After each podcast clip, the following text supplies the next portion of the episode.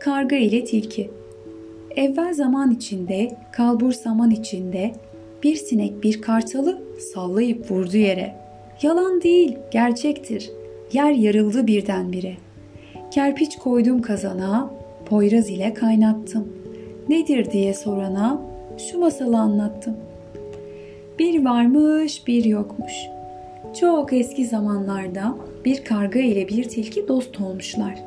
Günlerden bir gün tilki kargaya gelip ''Dostum sen beni öldüresiye güldürsene'' demiş. Karga da ''Olur peşimden gel'' demiş. Bunları dedikten sonra karga önden uçmuş, tilki de onun peşinden yürümüş.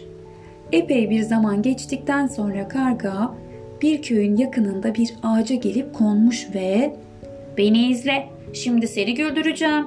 diyerek uçmuş ve sığır sağın bir kadının başına konmuş.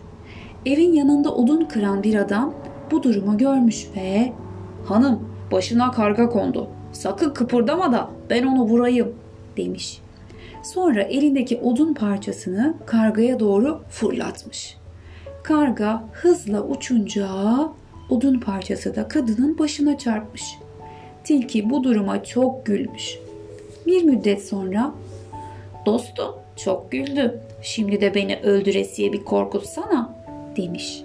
Karga "Tamam, ben uçarak giderim. Sen gözünü kapatıp beni takip et. Gözlerini sadece ben aç dediğimde açarsın." demiş. Ardından da uçup gitmiş. Tilki ise gözlerini kapatıp yürümeye başlamış. Biraz zaman geçince karga tilkiye "Gözlerini aç." demiş. Tilki gözlerini açtığında bir de ne görsün? Etrafı avcı ve tazılarla dolu.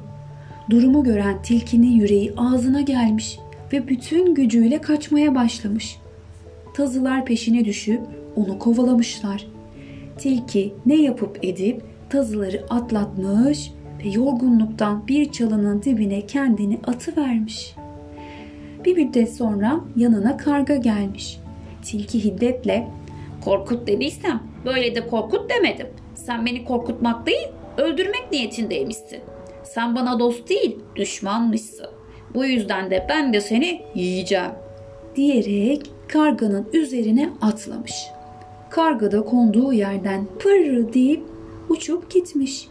Gitmiş gitmesine ama kuyruğunun bir kısmını tilki çoktan kapı vermiş.